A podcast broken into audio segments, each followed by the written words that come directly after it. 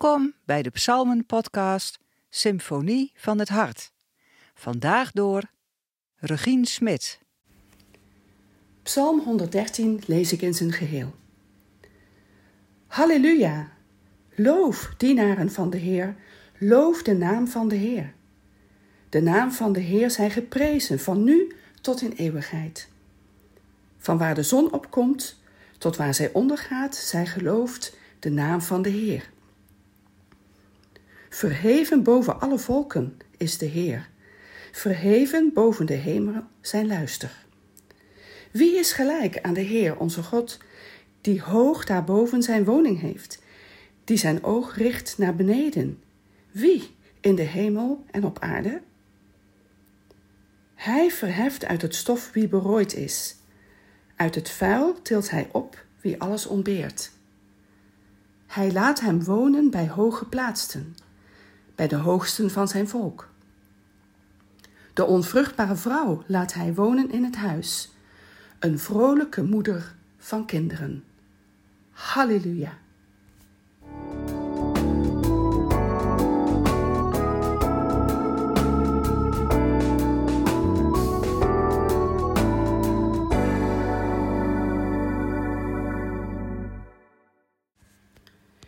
De film God on Trial uit 2008, die een nacht in het concentratiekamp Auschwitz beschrijft, waarin de Joodse gevangenen in een rechtszaak God ter verantwoording roepen. Deze film wordt omlijst door het bezoek van een groep hedendaagse belangstellenden aan het kamp. Onder deze bezoekers is ook een overlevende. Als een van de bezoeksters zich de vraag stelt wat toch de zin is van al die verschrikkingen van dat kamp, antwoordt hij: We are still here. Wij zijn er nog steeds, nog altijd. Deze psalm is de eerste van de serie Hallel-psalmen, die altijd worden gezongen bij het Joodse Pesachmaal. Hallel betekent lofprijs.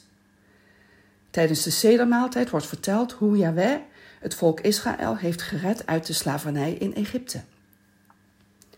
Maar het is niet alleen een herinneringsceremonie. Elke Jood die aan de sedermaaltijd zit, viert dat hij of zij persoonlijk uit Egypte is verlost. De maaltijd wordt traditioneel ingeleid met de woorden: Met onze vaderen verloste God ook ons. Daarom zijn wij verplicht te danken, te loven, te prijzen, te eren, te verheffen, te verheerlijken, te zegenen, te verhogen en te roemen Hem die aan onze vaderen en aan ons al deze wondertekenen deed en ons liet uittrekken uit de slavendienst naar de vrijheid, uit de duisternis naar het grote licht, uit de smart naar de vreugde, uit de rouw naar de feestdag, uit het diensthuis naar de verlossing. En wij zeggen daarom: Halleluja, Yahweh is geloofd en geprezen. Deze psalm klinkt voordat de maaltijd begint. En hij begint met de oproep om Yahweh te prijzen. Dat betekent niet zozeer juichen, zijn naam bewieroken, zoals in een voetbalstadion, maar vooral naleven wat God heeft gedaan. Dus leven als een bevrijd mens. Gods daden in volle omvang vieren. In tijden van verdrukking en vervolging de moed niet opgeven. Als je gevangen gezet wordt, toch innerlijk vrij zijn. Want er is geen plaats en geen omstandigheid, zo zegt vers 3 uit deze psalm, die niet geschikt is om God te prijzen. Waarom? Omdat Yahweh, die hoog verheven is boven alle volken, voor wie de grootste machthebbers uiteindelijk niets voorstellen, zich buigt naar de allerlaagste. En zo gaat Psalm 113 over het volk dat in de diepste ellende leefde in slavernij, en net zo goed over het volk dat in concentratiekampen werd veracht, gemarteld en vermoord.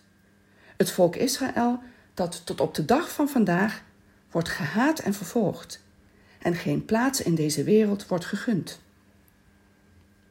Welke machthebber ook maar bedenkt dat kleine volk uit te kunnen roeien, hij of zij zal worden geconfronteerd met de realiteit dat de vrouwen van Israël moeders zullen zijn en kinderen zullen baren. ondanks de moeders in Egypte die gedwongen werden hun zonen te vermoorden, en ondanks de vrouwen en kinderen die in concentratiekampen aan hun einde kwamen. Zelfs Hitler lukte het niet om het volk uit te roeien.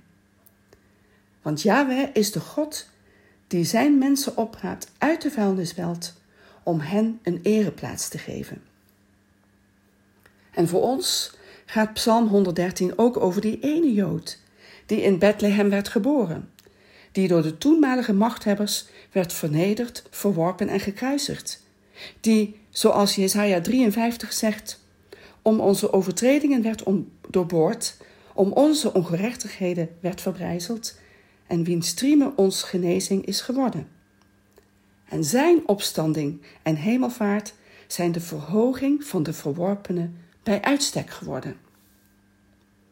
En zo eindigt deze psalm met het beeld van de moeder die zonen krijgt. Zo kreeg die ene vrouw in Israël haar zoon. En door hem, Jezus Christus, is er voor alle volkeren een toekomst. Ook voor het volk dat nu wordt bedreigd met uitroeiing, de Oekraïners. Maar niet zonder dat dat ene volk Israël blijft. Het is van het grootste belang dat de kerk van Christus weet: het is alle volkeren tot zegen als door het volk Israël tegen alles in kan worden gezegd: We are still here. Wij zijn er nog, nog altijd. En wij, de kerk, mogen met dat volk Yahweh loven. Halleluja.